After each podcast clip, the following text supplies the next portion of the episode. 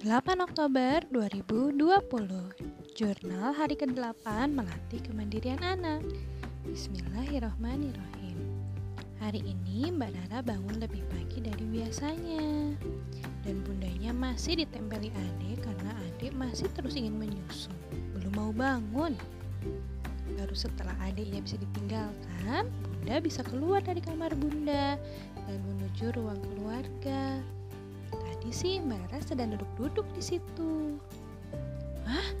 Ternyata Mbak Rara sudah sarapan duluan dengan menu yang memang sudah saya siapkan di meja. Ternyata Mbak Rara sudah lapar ya. Alhamdulillah, ternyata untuk sarapan pagi Mbak Rara sudah bisa mengambil sendiri dan makan sendiri. Jadi aku jadi tahu nih kalau kemarin-kemarin aku nyuruh-nyuruh sarapan itu nggak perlu. Memang kalau untuk sarapan Mbak Ara sudah bisa sendiri karena begitu dia bangun dan merasa lapar dia sudah tahu dia harus makan. Setelah itu adik bangun, lalu dimandikan dan sarapan.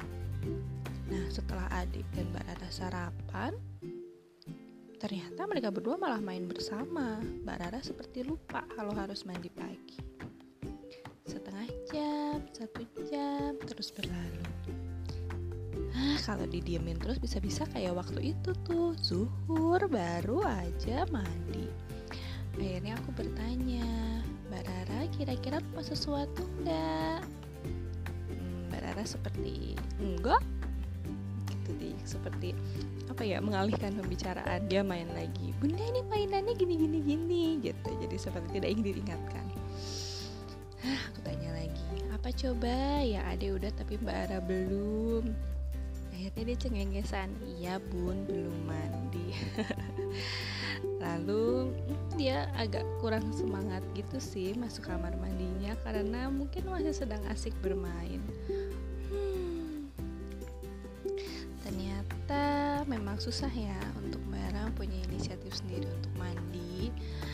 Jadi masih harus dilatih. Apakah memang harus diingatkan terus menerus ataukah dibiarkan tapi jadinya kesiangan terus. Mari kita mencari metode lagi yang lebih tepat besok hari. Semangat